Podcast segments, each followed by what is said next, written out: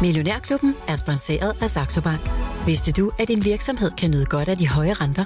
Få op til 3,05% i positiv rente på dine overskydende midler helt uden binding. Hør mere efter podcasten. Millionærklubben fra Jørgen med Bodil Johanne Gansel.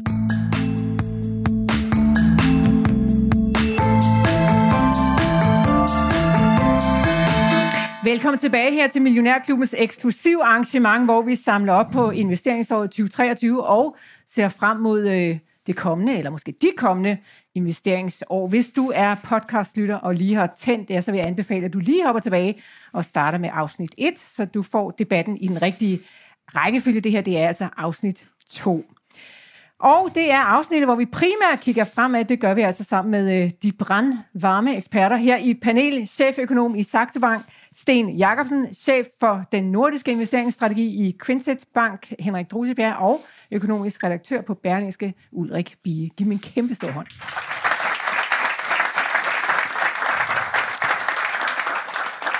Og jeg kunne godt tænke mig at starte øh, sådan nogenlunde med noget af det, vi havde fat i i sidste halvdel. Det øh, handlede en hel del om renter, og det helt store spørgsmål er vel øh, stadigvæk derude, om rentetoppen er nået, og hvornår vi skal til at have lavere renter igen. Sten Jakobsen, vil du lægge for på den? Ja, fedt Fed er færdig. Der er ikke mere krudt i dem. Man kan sige, at de sidste par dage er den australske centralbank er gået fra at sige, at de også var færdige til, nu påstår de, at de vil sætte renten op til tre gange, men jeg har lige været i Australien også, og det, det kommer de i hvert fald ikke til at sætte renten op, men det er sådan en anden sag. Ja, hvad bygger du det på? Hvad? Hvad bygger du det på? Australien er ekstremt billig. Den australske dollar er billig. Øh, der har ikke været nogen nettoeffekt. Øh, de har positiv tilgang af, immigration efter covid, øh, da de var helt lukket ned, så det, det bliver det bliver meget svært for dem at, at, med negativ vækst per capita, så deres produktivitet er negativ. Det, det er jeg rimelig sikker på. Men Fed er done. Uh, ECB burde have været done for længe siden, men de har jo verdens dummeste centralbankchef, så det tager nok lidt tid. okay. Uh, og de har den, den dummeste, altså, hvad Draghi, hvad Draghi ikke har ødelagt af ting og sager i ECB, det er ikke små ting, men uh, de har jo ikke andet italienere til at sidde og lave økonomisk analyse, så kan du selv, så kan du selv tænke dig til, hvad resultatet bliver, øh, når de ligger det hele sammen. Så, øh, men Sten Jacobsen, øh, når Fed øh, render rundt... Det er altså ikke helt løgn, at øh, økonomisk analyse i ECB er domineret af italienere. Oh. Jeg siger, det er ikke løgn.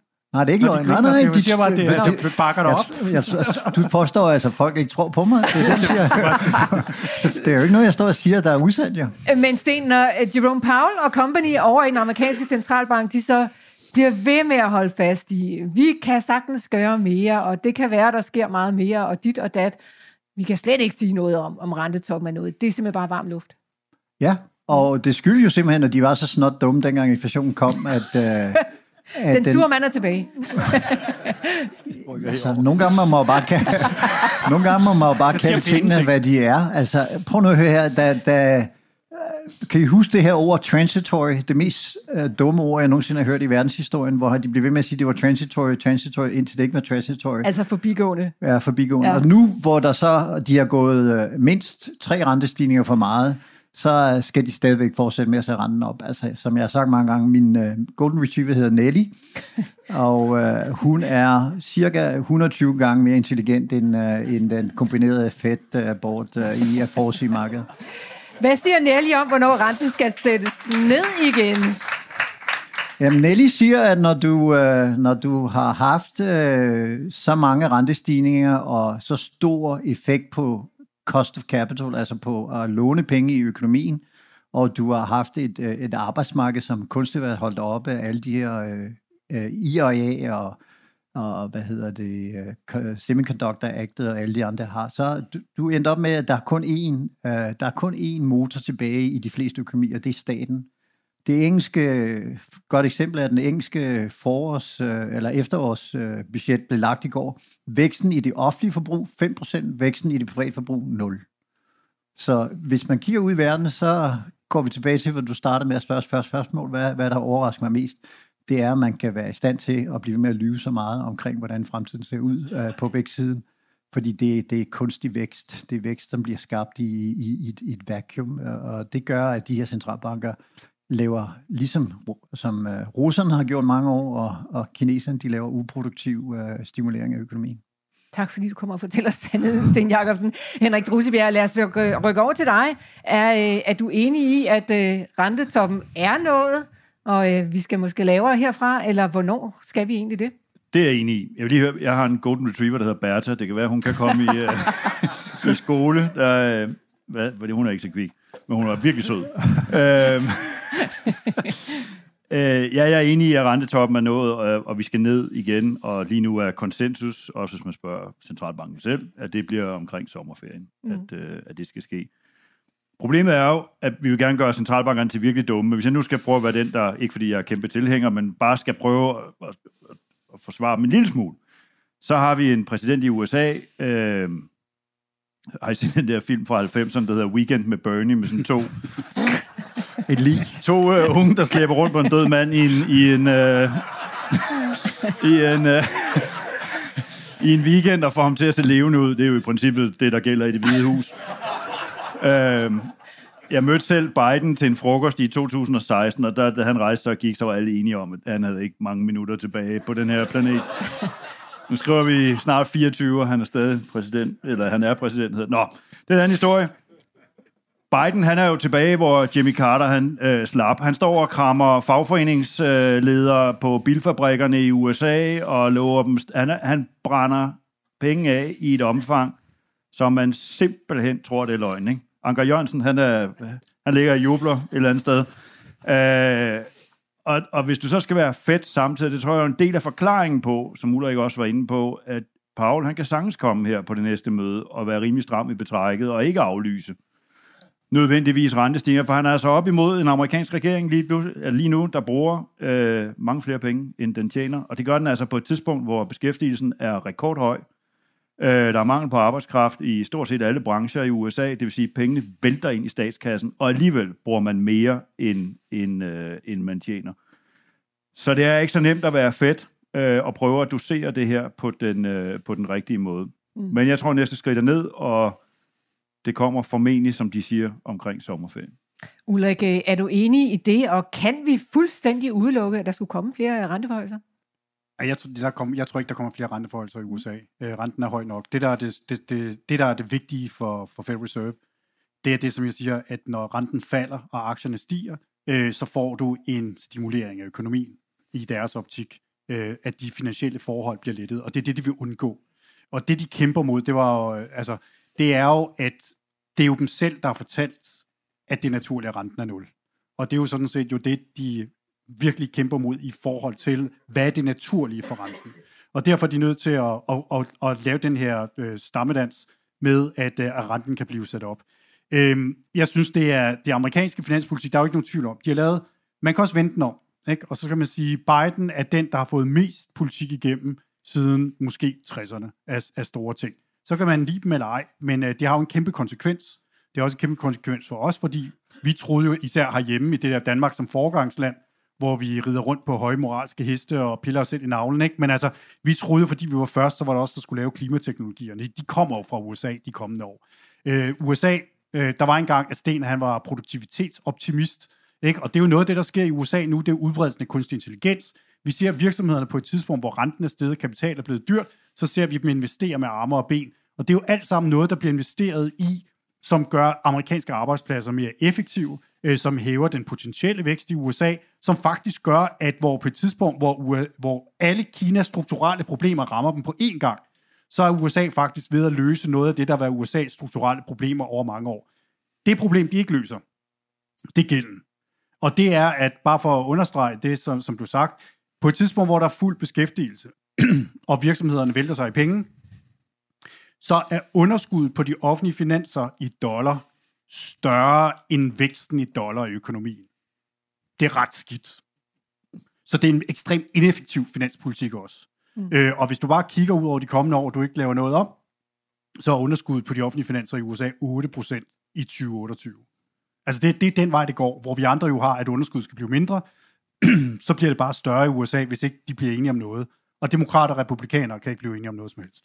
Men Ulrik, øh, jeg kunne godt tænke mig at lige smide noget forbi dig, fordi det er ikke så lang tid siden, at jeg havde besøg af Jeppe Christiansen, fra mig investor, og han siger, at det er sådan set ikke noget problem med al den gæld i USA, fordi formuerne derude er så meget større. Hvad siger du til det? Nå, altså problemet er jo sådan set, at der er nogen, der skal betale en rente på den her gæld. Ikke? Og det er staten, og det er skatteyderne. Der man ikke kan blive enige om at, at spare nogle steder, man ikke kan blive enige om at sætte skatterne op, øhm, så ender man jo bare med, at underskuddene bliver større og større. Så du låner til at betale renter. Det er jo sådan set det, man gør. Så på lang sigt er det her ikke en holdbar situation. Og hvis jeg lang sigt, så er det nogle år ude i fremtiden. Øh, vi laver lidt på det samme som det her, som vi gør på andre områder. Det, som man i finanskrisen kaldte extend and pretend. Vi, vi foregiver, at alt er godt, og så behøver vi ikke at forholde os til de strukturelle problemer på det her tidspunkt. Men jeg vil sige, på mange af de andre strukturelle parametre, hvor USA har haft massive problemer, altså jeg boede derovre nogle gange, det er jo, at det har jo altid været et af de mest ineffektive samfund, man overhovedet kunne forestille sig. Øh, hele vejen igennem. Øh, og det er der altså ikke længere. Og det er også det er noget af det, som, som helt... Altså, ja, det der kunstig intelligens, det bliver det, vi kommer til at tale om i Danmark og i Europa i 2024 og 2025. For hvis ikke vi bliver bedre, og hvis ikke vi bliver bedre til at bruge det på den måde, som, øh, som amerikanerne gør, og lære dem, der er dygtige, ja, så er vi langt bagud også på det område. Mm.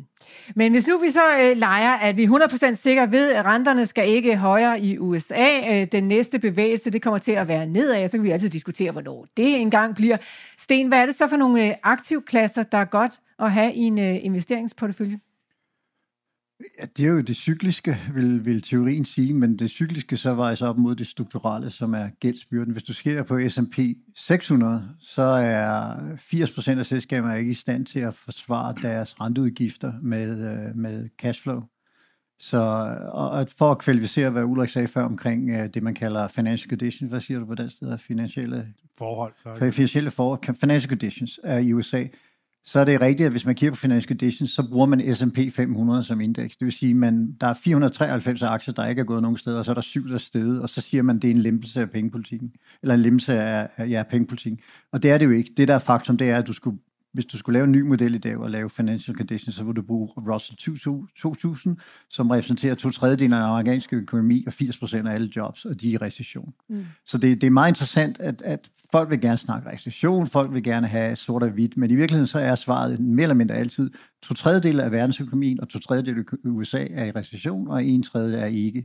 Så kan man sige, hvis man så går til dit spørgsmål, så kan man sige, i 2004, 2024, er det så dem, der allerede koster 40 gange PE, eller er det dem, som nu prises til 17 gange i en lille smule stimulans? Øh, hvis Ulrik har ret om øh, produktivitet og alt muligt andet, så er det jo de små og mellemstore virksomheder, som tjener pengene. Så jeg vil sige, det, der, der er ikke nogen svar. Og øvrigt så får vi jo også, øh, vi får en fredsaftale i Ukraine. Hvad betyder det for det, for det samlede billede i, i, i 2024? Vi er i et, et, et, et valgår, så der er intet, der må gå galt. Altså, hvis de kan, og det vil de forsøge med, med, med, med, med alle mulige tilværelser til, til rådhavene, til, til, til, til råd, hvad til råd, rådestående, tak. Øhm, øh, hvad hedder det? Øh, muligheder, så vil de forsøge at, at, at, køre den proces. Og det er også derfor, de kommer ikke til at sætte renten ned, som alle siger, i anden halvdel af året, for det må du ikke rent politisk. Hvis det skal ske, så sker det i første, slutningen af første kvartal, starten af anden kvartal. Mm. Men øh, du bevæger dig stadig inden for aktiefelterne, når du ligesom skal tale om, øh, hvilke, hvilke, hvordan, hvad skal man putte ned på det følgen siger du også 2.000, ja, eller, ja, men, eller hvad, men, men er der nogle andre aktivklasser, som du ville synes var attraktive i ja, det her altså, vi, vi har stadigvæk ikke løst noget energiproblem, så sådan noget som atomkraft, uranium øh, bliver ved med at eksplodere opad. Du vil se uh, formodentlig, at naturgas begynder at, at komme tilbage. Fødevareindustrien er markant interessant, fordi vi har den her globale opvarmning, siger, det, altså, siger vi og har vi. Men, men det er også noget cyklisk, fordi vi har forskellige, altså vi har El Niño og alle mulige andre ting. Så for mig drejer det sig om at blive ved med at købe, hvad der er en del af løsningen. Det er øh, infrastruktur, det er defense spending, desværre, det er cybersecurity, det er logistik øh, overordnet set, det er øh, semiconductors, når det bliver billigt, ikke når det er dyrt, men når det er billigt. Og, og så er det at investere i øh, på, på siden øh, guld, øh, råvarer og alt, der er, hvad man kalder reelle aktiver. Mm det, det sidste, du skal have i 24, det bliver ikke realaktiver, fordi du har den der øh, spøgelse med gælden, der bliver ved med at køre, og du har en, en underliggende inflation, der kommer ned, men ikke nok ned i, i reelle termer. Så du, du, du vil få afkast på det, der er en del af løsningen, og ikke på, på andre ting, efter min mening. Henrik, hvordan vil du vægte sådan en uh, investeringsportefølje, der skulle række ind i 24, og måske også uh, 3, 4, 5 år længere frem? Øh, det kan man ikke svare på. Øh, Nå, jeg, nå. kan, jeg, kan, jeg kan Så kom med svare, nogle gode råd Ja, til, jeg hvad kan- de andre skal gøre. Vi kan gøre det, næ- altså hvordan skal det se ud, når vi går ind i 24, og så kan vi sige noget om det længere sigt. Så nu starter med det sidste først. Så er der rigtig mange investorer, tvunget af omstændighederne, der siden 2010, øh, på grund af, ej ikke 2010, det var det, der startede, med voldsom rentefald har gjort, at meget, meget få har obligationer tilbage i deres portefølje. Og obligationer har jo som regel øh, i historien den berettigelse, at de bliver en eller anden form for forsikring mod dårlige tider. Og øh, da renterne var 0 eller minus, så var problemet med den forsikring, at øh, den kostede tre gange så meget, som den plejer. Til gengæld dækkede den ikke. Men, men det har ændret sig nu. Nu har, kan man gå ud og købe obligationer til 4-5% i rente, og hvis renterne begynder at falde, så får man 10, 10 kurspoint i, øh, i gevinst per procentpoint. Øh, renten falder, plus de 5% man får i rente. Det er altså ikke så... Det er ikke nogen tosset investering, og så har man reetableret sit, øh, sit forsikringselement i porteføljen. Så det er i hvert fald en overvejelse værd for dem, der godt kan lide at balancere tingene. Nu ved vi jo, at Millionærklubbens lyttere, det er nogle relativt øh, risikovillige typer, Ej, de er hardcore. Ja. Ja. hvad hedder det, øh, som overvejende koncentrerer sig omkring aktiemarkedet. Øh, og, og hvis jeg skulle gå ind i det, så har jeg øh, fuldstændig samme syn på det som, som Sten. Jeg mener sagtens, man kan lægge sig i aktiemarkedet. Jeg vil også gå mere cyklisk til værks. Men jeg synes stadigvæk, at en af de ting, der skræmmer mig, det er risikoen for, at centralbankerne ikke kommer til at begå en politikfejl, men de har begået den, og de har begået den i et sådan omfang, at den kommer til at resultere i en recession, der kommer til at koste noget indtjening i virksomhederne, og, øh, og det gør, at rigtig mange aktier i dag er priset for højt, hvis det udspiller sig. Og derfor har jeg i min aktieportefølje både noget cyklisk, men jeg har også taget sådan noget udbytte, øh, betalende, konservativt, midt på vejen, ikke alt for farligt. Øh, fordi jeg synes bestemt ikke, at risikoen for, at de har dummet sig og hævet alt for meget, alt for hurtigt, er afblæst endnu. Også selvom de begynder at sænke den i det år, vi står overfor. Men øh, du har dog kun aktier, så vidt jeg hører dig. Nej, nej, det, det har jeg jo ikke. Det, er jo, det kommer an på den kunde, jeg taler med. Nogen kan stadig jeg godt... synes, du sagde din egen Nogen, nå, portefølje. jo, jo, jeg har kun aktier. Det, jeg har også uh, kort lån i mit hus, så jeg er lige så tosset, som I er. Uh, hvad hedder det? Nej, men jeg jo, synes jeg, selvom jeg runder 50 til marts, så er jeg jo stadig en ung mand, som har Det tiden er foran bestemt. mig. Ikke? Så, Men øh, det er sjovt nok, det gælder de fleste strateger, som jeg har besøgt i studiet. Når vi står inde i studiet, så er der rigtig mange øh, gode råd om øh, balancer og vægtning og dit og dat. Og når vi kommer ud af studiet, så siger de, jeg har kun aktier selv. Jeg møder, jeg møder rigtig mange mennesker, der sælger deres virksomhed eller deres livsværk, eller hvad de nu har gjort, og bliver ekstremt velhævende på det. Og det, der er vigtigt at sige, det er, at det er meget, meget, meget fantastisk få mennesker, der gør det to gange i deres liv. Derfor er den, den hyppigste opgave, jeg bliver sat til at løse, det er en opgave, der tager udgangspunkt i et, sørg for, at pengene stadig er der i morgen. Ja. To, kan vi så begynde at kigge på, og se om vi kan lave et anstændigt afkast af de penge. Jeg har til gode at møde en person, der har solgt sin virksomhed for en milliard, og siger, kan du lave dobbelt op de næste 12 måneder? Det er, ja, det, kan godt være, det kan godt være, de siger det, men når man så prøver at rise konsekvenserne op for den disposition, så bliver de som regel lidt mere moderate. Ja, afkast hænger sammen med risiko. Så der er men, stadig idé i, afhængig af hvem man er, at skabe noget balance. Det kommer også an på, hvor meget økonomisk modstandskraft man har, hvor i livet man er, udsigten til, at man stadig kan gå ud og tjene nogle penge, eller man er der, hvor man har forladt arbejdsmarkedet osv. Så, så, så der er masser af gode argumenter for, at nogen skal arbejde helt anderledes end andre. Jeg må også lige kvalificere, jeg misforstod dit spørgsmål. Jeg har 60% i obligationer, bare for at Okay. det disclaimer, og det har jeg haft de sidste to-tre måneder. Uh, altså, hvis jeg kan blive betalt, som Henrik siger, hvis, selv hvis der ikke sker noget, så får du 5% i rente. Altså, der, der er meget at stå med imod. Og det er første gang i 15 år, jeg har obligationer, men uh, der, er- det er mere sandsynligt, at jeg køber mere obligationer i den lange ende. Og jeg har lige rejst hele verden rundt, mere eller mindre. Der er ikke en eneste investor, jeg har mødt, der har obligationer.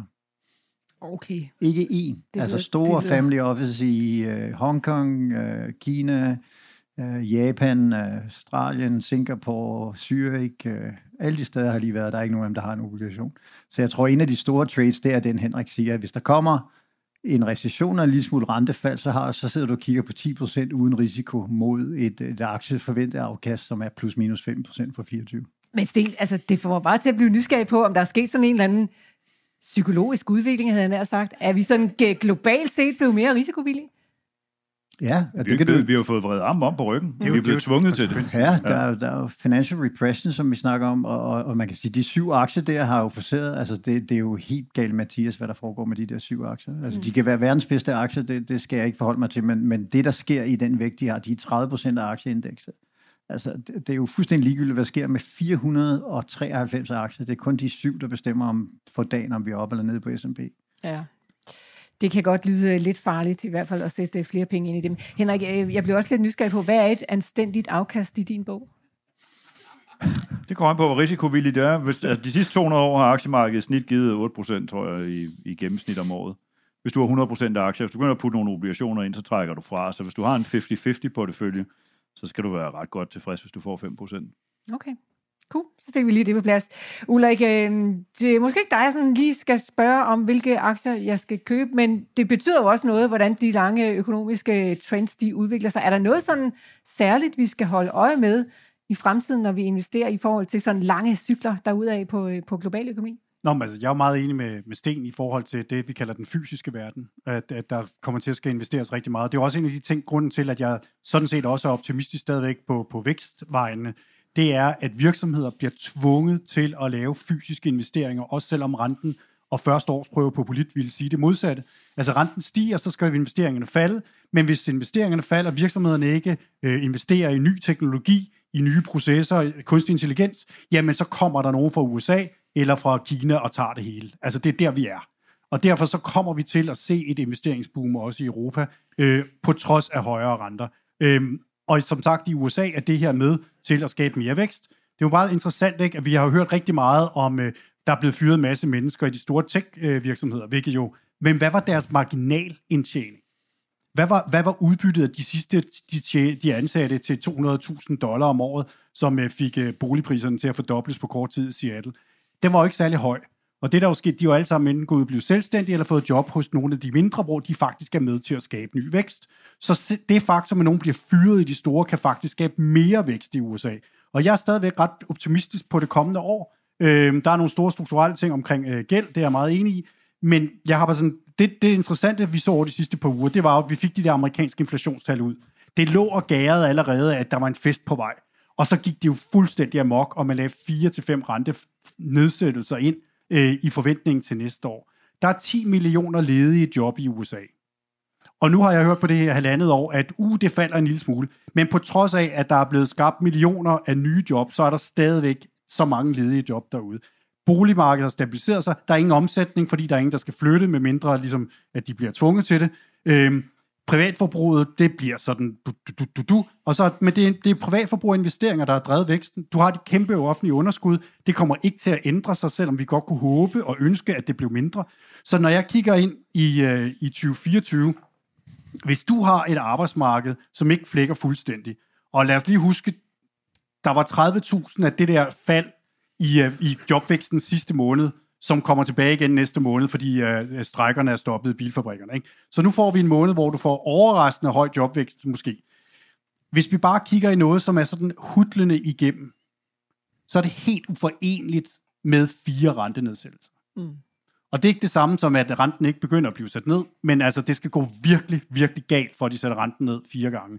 Så hvis det er det, der holder de tech, altså tech og, og renteglade aktier, der er jo nogen, der virkelig reagerer voldsomt, når renten falder. Øh, teknologiselskaber, vi har også nogen herhjemme, øh, I kan bare tage en dag med, med rentefald, og så kigge danske C25-indeks, hvem der, hvem der virkelig bonger der ud af i den grønne farve. Ikke? Øh, så, så bliver man meget skuffet, fordi det, de kommer simpelthen ikke til at sætte renten så meget ned, hvis økonomien holder nogenlunde skinnet på næsen. Henrik, du har en kommentar? Der er sådan et tidsperspektiv i det her. Hvis man går ind og ser på, jeg tror det er 80 procent af den amerikanske boligmasse er finansieret 20 år, eller i gennemsnit 20 år. Hvis man går ind og ser på, hvad den gennemsnitlige rente er på den finansiering lige i øjeblikket, så ligger den på 2-2,5 procent, tror jeg. Hvis man skal ud og refinansiere sig i dag i realkredit, så ligger vi på 8-8,5 eller noget i den dur. Det er derfor, øh, Ulrik siger, at der er ingen mobilitet på, på boligmarkedet i USA i dag. Men der er jo nogen hvert år, som bliver skilt, får et nyt job, øh, af forskellige årsager er nødt til at sælge deres bolig. Og, og det vil sige, at der er en eller anden procentdel, der hver eneste år kommer fra den situation, de er i nu, til en helt anden virkelighed, hvor de skal op og, øh, og finansiere sig. Og, og jeg vil sige, risikoen for, at den her rentebevægelse, vi har set fra 0 til 5, vi har slet ikke set effekten af det endnu. Det tager for hver kvarte, du løfter øh, renten som centralbank, så går der cirka 18 måneder, før den ene kvarte er fuldt indfaset i, øh, i økonomien. Og det vil sige, at der er rigtig mange kvarte, der ikke er fuldt indfaset endnu. Ja, nu kan jeg ikke lige gennemskue, hvor langt vi er. Hvor langt skal vi hen, før det hele er indfaset, så har I overblik over det? Vi skal da i hvert fald halvandet år længere frem. Okay. Men så kan de jo nå at løbe Men det er jo, den ikke, det er jo stadigvæk ikke indfaset, det amerikanske bolig. Det er slet ikke faset i boligpriserne, Det er jo men det, der det er kommer problemet. Og du er også, tid, du ikke? også være derhen nu, hvor øh, Sten sagde tidligere, det her med, at hvis god bonitet, så ligger din rente på, hvad du sagde, 8-9, ikke? Øh, Og mindre god bonitet, så ligger den på 13. Altså kreditkortrenten er nu oppe i nærheden af 20. Over 20, Men 23. den, tre- ja, men, okay. men den bliver ikke meget højere end det her. Vel? Altså det, det, er- og det er jo, men det er jo højt, og kreditkortgælden er steget. Det er jo noget, der kommer til at, øh, at hive ud af, af penge ud af, af lommen på en ma- masse mennesker. Øh, ikke mindst dem, der ligger i den lavere ende af indkomstskalaen. Men for, forklar mig lige, hvorfor så, at forbruget ikke er faldet helt vanvittigt. Jamen, det, der, er, der er flere elementer i det. Øh, amerikanerne har stadigvæk generelt set, ikke? Nu, når, som økonom taler jeg altid om alle på én gang, ikke? Mm. har det faktisk finansielt forholdsvis godt. Øhm, og så er der noget, som er enormt interessant i USA, og som vi faktisk sidder og kigger lidt på også i forhold til herhjemme. Øh, vi har jo altid snakket om den der ældre byrde, ikke? Altså noget af det, der driver amerikansk vækst lige nu, det er ældre, som øh, er ude og slå til søren og rejser og bruger penge. Øhm, og de har jo pusset nok øh, store aktieopsparinger og hvad de ellers har. Øhm, og der er, der er faktisk ret stor øh, forbrugsvækst, der kommer derfra. Go boomers. Yes, øhm, men du siger, Ulrik, der kommer ikke fire rentenedsættelser. Hvor mange kommer du, der du så? kan ikke, det, det er den der balance. Det, der, det kan godt være, der kommer fire rentenedsættelser. Men så taler vi om en arbejdsløshed, der banker i vejret. Mm. Ikke? Så derfor, det, jeg ved godt, de der måneds, man kan diskutere, hvor gode de der månedstal er. Nej, det kan man ikke. De er super dårlige. De Ja. bliver jo reguleret med, med 100.000 hver vej, øh, næsten hver måned, ikke? eller op Oh, jo. til. Men nu har vi haft øh, jobvækst i øh, 29 og 30 måneder, hvad fanden det bliver. Ikke? Men altså, det der bare er, det er, at hvis det er sådan, at du ikke har, for, at hvis du får et arbejdsmarked, som bliver ved med i et eller andet omfang at skabe job, så er det simpelthen ikke forenligt med fire rentenedsættelser.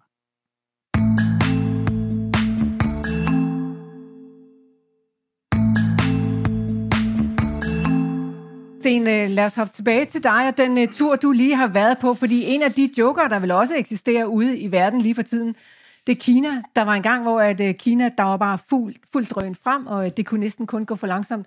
Og lige pludselig så er det altså som, at de er gået fuldstændig i stå. Hvad kan vi forvente, der kommer til at ske med kinesisk økonomi, og uh, ja, måske også kinesiske aktier, sådan på lidt længere sigt? Jamen, der er jo en interessant tidslinje i, i i kinesiske partiorganisationer. Øh, det er, at de har, de har sådan et work council, hedder det, hvor de laver deres økonomiske planer, som så bliver fremlagt i, i marts. Så vi i virkeligheden fra marts af, så ved vi meget præcis, hvad de økonomiske målefaktorer og hvad de går efter kommer frem.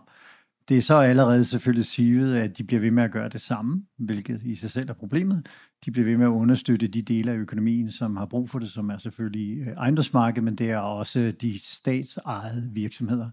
Så der er ikke sådan set noget nyt under solen i forhold til, til Kina. Der er bare det forhold, at Xi Jinping er gået fra at være meget, meget skeptisk over for at støtte økonomien, fordi han var imod, at nogen virkelig blev rige. Det var sådan set i, i helt i essensen af det. Udover ham selv. Udover ham selv, selvfølgelig, ja. Øh, og det har han vendt rundt på en tallerken, og han har været nødt til, han gennemfører ikke reformer, men han putter lige så mange penge ind i økonomien, som en reformøkonom ville gøre på økonomien. Så jeg, jeg tror, at min øh, kinesiske økonom, han siger, at vi får 4,5 procent for Kina i 24, men det, det er sådan noget, der fuser ud af sig selv, fordi det, det bliver sænket ned i, i, i, i non-produktive sider. Så vil jeg sige, du ved, min, alle, der sidder ude i Asien, de forsøger hele tiden at købe det kinesiske marked, men prøv at kigge på, øh, prøv at kigge på performance af det kinesiske marked over 3 år, 5 år, 10 år, 20 år. Der er aldrig nogensinde nogen, der har tjent penge.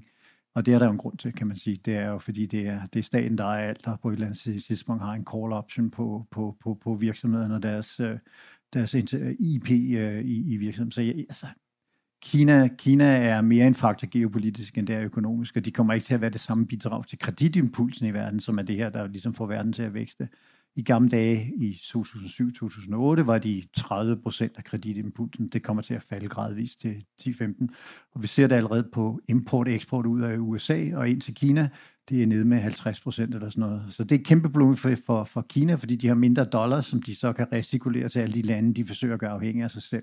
Så Kina er totalt fokuseret på alle lande, som sidder inde i den her nye Super BRICS, og på lande, som ønsker at lave handler med dem i Juan. Øh, så der, vi, vi lever i en enormt fragmenteret verden, og, og for hvis jeg skulle give rådgivning til virksomheder, som ønsker at lave business i Kina, så er det at komme ud så hurtigt som muligt.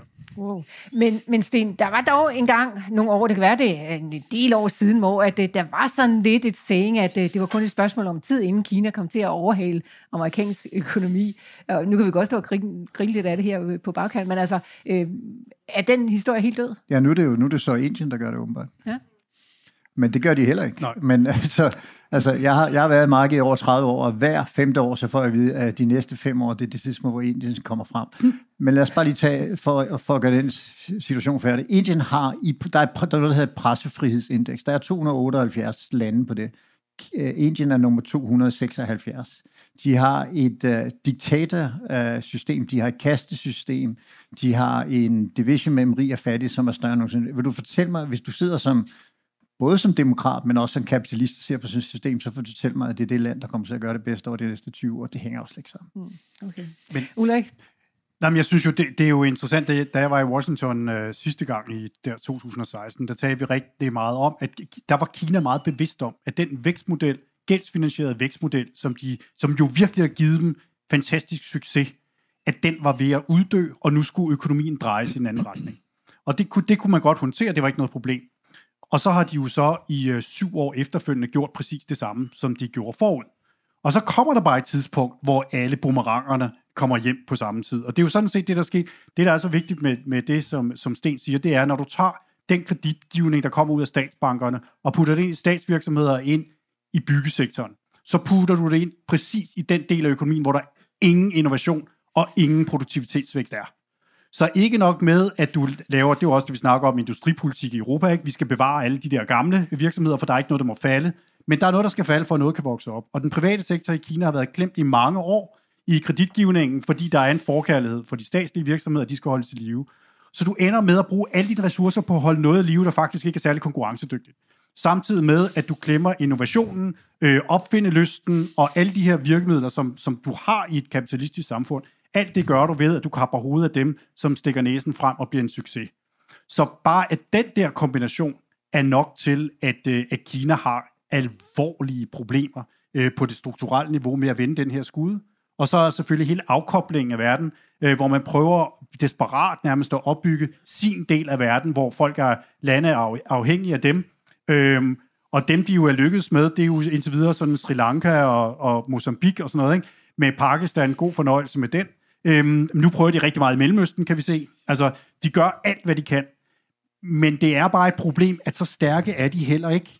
Øh, og der er- må man bare sige, hvis man kigger på udsigterne, for, så når jeg ser sådan fem år frem, så er USA mere attraktiv som partner på det økonomiske område, end Kina er. Men altså, okay, øh, jeg ved godt, jeg ved godt, hvad det er for nogle lande, du taler om, Ulrik, men er det ikke også sådan lidt en, en arrogant vestlig holdning? Altså, ja, ja, lad dem bare gå sammen, det er noget rod alt sammen, og de har nogle Overhovedet ikke, det synes jeg da ikke, det er. Altså, jeg har jo lang tid sagt, at vi har undervurderet Kina.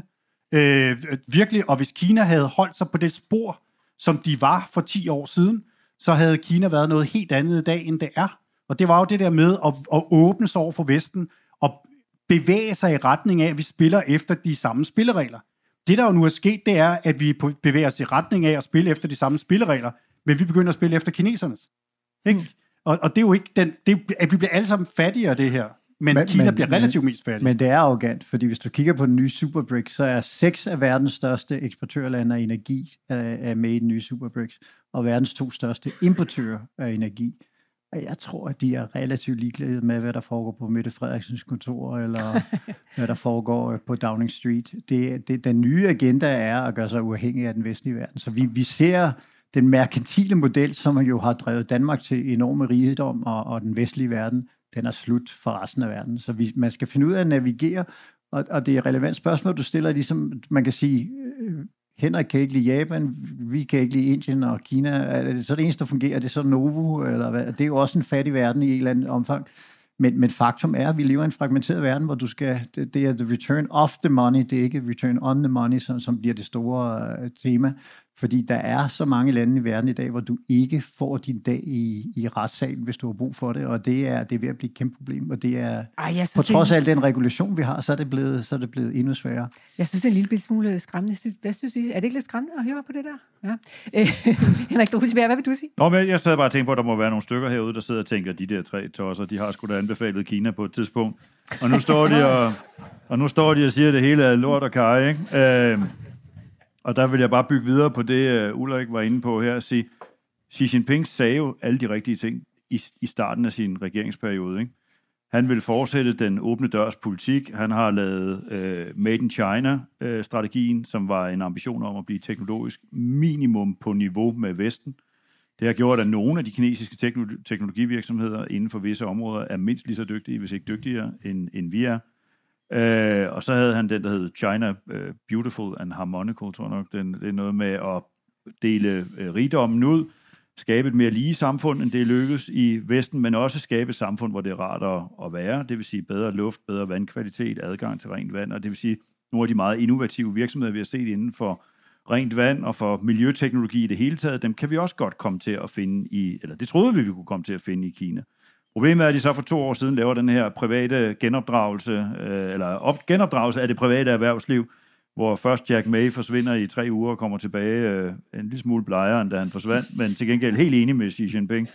Øh, og den har sådan ligesom øh, bredt sig til stort set alle brancher, øh, kulmineret, kan man sige, ved at man nationaliserede alle virksomheder, der tjener penge på uddannelse af den ene eller den anden form.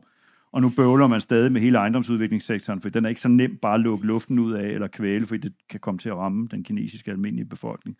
Og det har man ikke nogen interesse i. Så de er jo begyndt at gøre nogle ting, der ikke lå i kortene, som strider imod det, vi troede, den pragmatiske, økonomiske, men dog kommunistiske tilgang til, til tingene. Og senest her har vi set øh, for eksempel øh, voldsomme stramninger af spionagelovgivningen i Kina, der gør, at det bliver sværere at være kinesisk virksomhed, der opererer uden for Kina.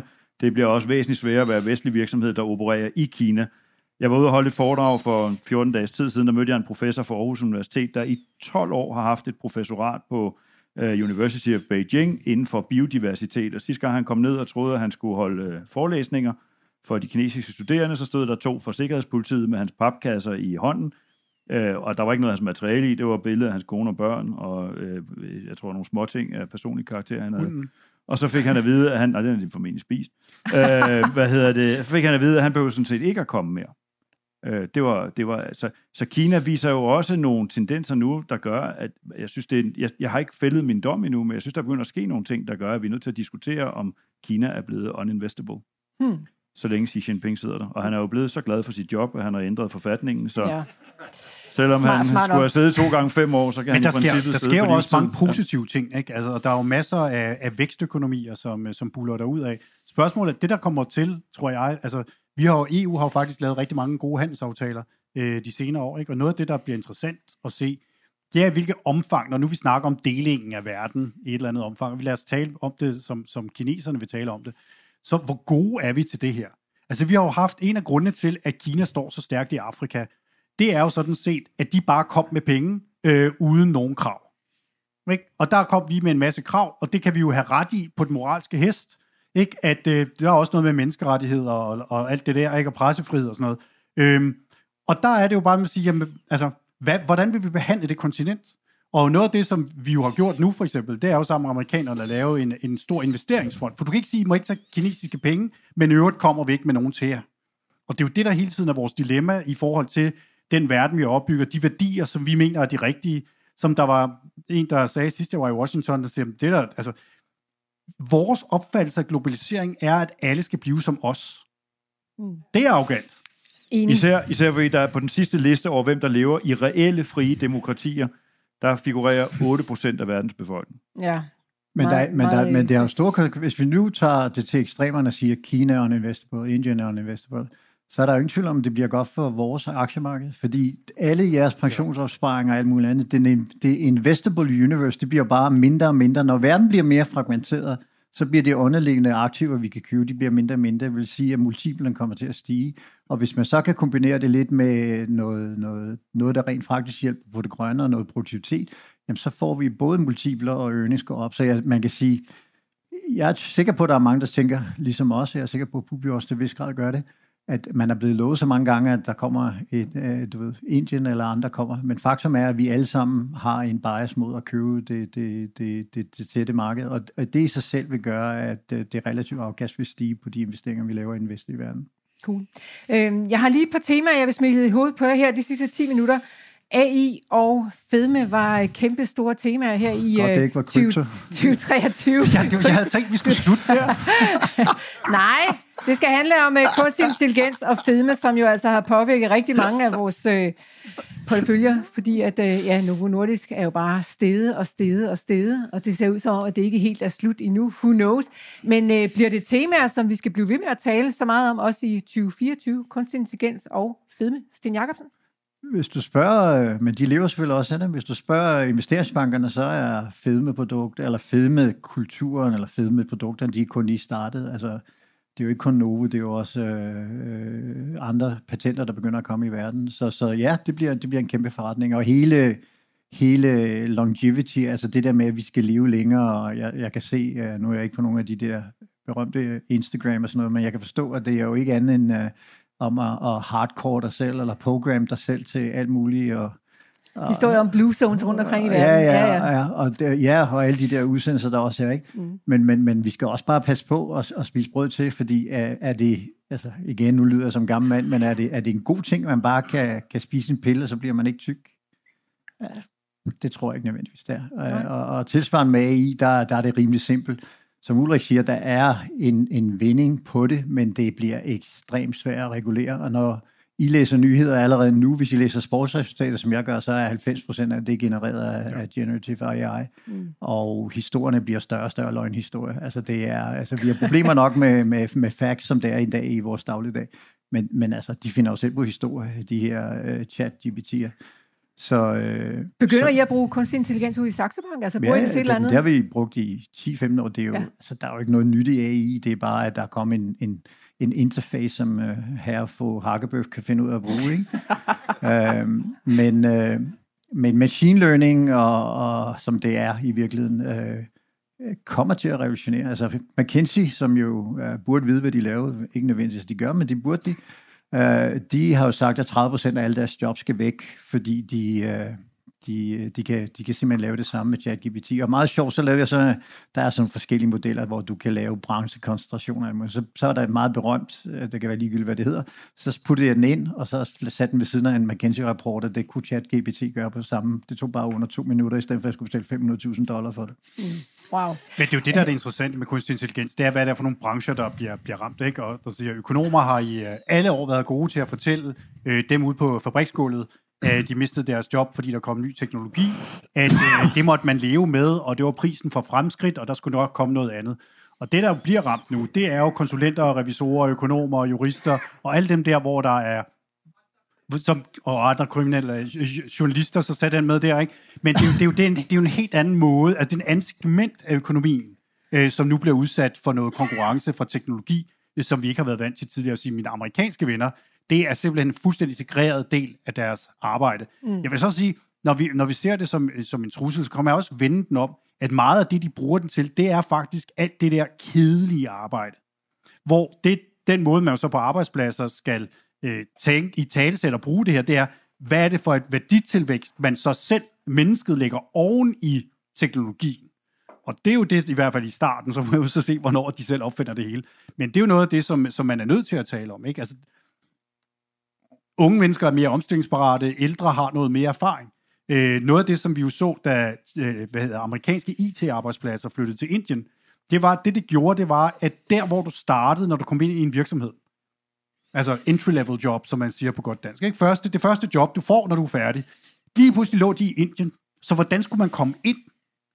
Og det er jo noget lidt, der også er, at rigtig meget af det, man laver på professionelle arbejdspladser, det er ofte det, man laver i starten, som er manuelt og tungere og sådan noget. Og når du så kommer højere op og får nogle erfaringer, og står og bræger sådan som på det her, ikke? jamen så er det, den, så er det noget af nogle andre kundskaber, du skal bruge.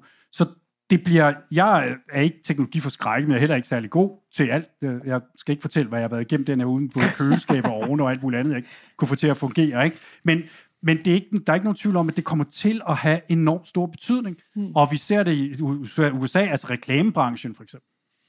Evnen til at designe reklamer, der passer til dig med din adfærd. Alt det der, altså no, det, det, ah, alt det der på amerikanerne altså lysår foran. Og det der med, at dem, der først kommer ind i andre økonomier, også herhjemme, og bruger de her ting øh, på den måde, som amerikanerne gør, får en konkurrencefordel, og det tvinger de andre til også at investere. Okay. Så øh, ja, det er kun lige en øh, debat, vi er begyndt at tage fat på. Jeg er sikker på, at vi også kommer til at snakke rigtig meget om øh, både AI og fedme i 24 også. Øh, og Henrik, du fik så ikke lov at svare på det spørgsmål, men det du kan så... Du du kan så, bemærket. Ja, det har du bemærket, men det er fordi tiden den er ved at løbe frem, og der er også en, endnu en joker, som jeg er nødt til at, at, at tage op til jer. Noget, som vi helt sikkert kommer til at tale om i 2024, det er et amerikansk præsidentvalg. Hvad kan det komme til at betyde for investeringsverdenen? Jamen, jeg, grund til, at jeg tøver lidt, det var, fordi jeg var ret sikker på, at Trump ikke blev præsident sidst. Øh, så jeg er lidt forsigtig med mine forudsigelser. Mm. Selvfølgelig kan det betyde noget. Man kan læse nogle analyser i øjeblikket. Trump har jo lagt sit program frem om, hvad han vil. Og han vil gøre ret mange ting, hvis det er rigtigt, det der står, som er ret bekymrende. Og problemet er, at den her gang, der har han sit hold klar af tosser, som vil lave nogle ret væsentlige forandringer. Det kan de selvfølgelig ikke gøre alene. Det, det bliver meget, meget afgørende, hvordan øh, magten i kongressen falder ud. Øh, så, så vi kan godt stå her og male et eller andet billede af, at vi har øh, helvede foran os. Og, og, og jeg, jeg tror ikke, man skal sige, at det kommer ikke til at ske. Det kan man håbe på, at det ikke gør. Øh, og vi får en tur med, med Bernie.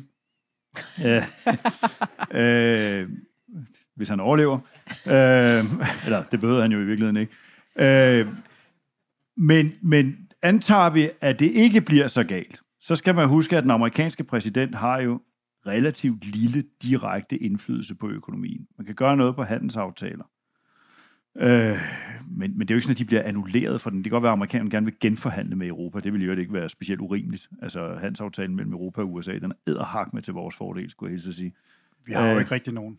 Nej, men den måde, man putter 12 på amerikanske biler, der stort set ikke er noget på europæiske biler, der er nogle standarder. Det er fordi, som, vi ikke har en handelsaftale. Ja, men, det, men de gør det jo ikke den anden vej. Så det, det kunne man godt gøre noget. Men ellers så foregår jo langt det meste økonomi i USA. Det foregår på stats, delstatsniveau, og det foregår ikke mindst i centralbankerne, som vi har talt rigtig, rigtig meget om. Det bliver dem, der kommer til at styre det. Så en eller anden form for sane udgave af Trump, tror jeg ikke, altså det vil ikke betyde ret meget. Sidste gang han øh, kom til magten, der fik vi da stigende Ja, det behøver, det behøver ikke være vanvid, men, men der ligger nogle mulige planer, som godt kan, kan tegne et meget, meget skræmmende billede af den fremtid, som vi øh, står overfor. Så jeg vil, jeg vil være ret forsigtig med at udtale mig. Jeg håber på, at han bliver stoppet i fængsel før. Jamen altså, ærligt talt, er der noget sådan helt præcist, der siger, at han ikke kan være præsident? Nej, det er der ikke. Men jeg tror, en af de ting nu, og det er vigtigt, øh, Biden, han har, som øh, jeg tror, det var Ulrik, der sagde det tidligere, han har gennemført mere politik end nogen anden amerikansk præsident, i, eller i, i hvert fald i meget lang tid. Øh, og på trods af det, og vi har fuld beskæftigelse i USA, øh, boligmarkedet er stabilt, aktiekurserne er oppe, og hans approval ratings er røv og nøgler. Ikke? Mm. Så han er virkelig dårlig til at sælge sine egne succeser, kan man, kan man roligt sige. Og alligevel, så fik de jo faktisk et chokerende godt valg ved midtvejsvalget, demokraterne. Og en af de ting, som vi har lidt svært ved at få greb om, tror jeg, i hele øh, hvad hedder det, analysen af, om Trump står til at blive præsident, det er blandt andet abortspørgsmål. Ja. Som republikanerne markant undervurderet at øh, det kan godt være, at når du kører ind i det der bibelbælte, så jubler de og synes, det er altid, men der var rigtig mange kvinder, da det først kom til stykket, der synes, at det var en rettighed, de ikke specielt meget havde lyst til at undvære. Mm. Øh, og, og de undervurderede i den grad deres vilje til at gå ind og stemme efter det. Og det øh, er en af de ting, jeg tror, der er størst sandsynlighed for at holde Trump ud af kontoret. Og vi så det faktisk så sent som for to uger siden i Virginia, ja. hvor det gik den vej. Ja. Øh, Henrik, det kan godt være, at du ikke fik uh, lov til at tale om AI og fedme. Til gengæld så fik du næsten det sidste ord her om uh, det amerikanske præsidentvalg. Uh, vi er nødt til, næsten, nemlig nødt til at sætte et punkt, som her tiden er gået.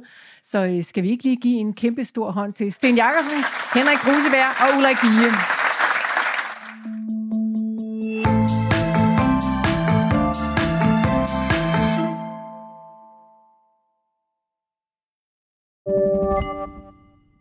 Podcasten er sponsoreret af Saxo Bank. Vi skyder året i gang med nye lave priser, så du kan investere til nogle af markedets laveste priser og beholde flere penge til dig selv. Mindre til banken, mere til dig. Saxo. Stedet penge helst vil være. Læs mere på saxobank.dk og opret en gratis investeringskonto allerede i dag.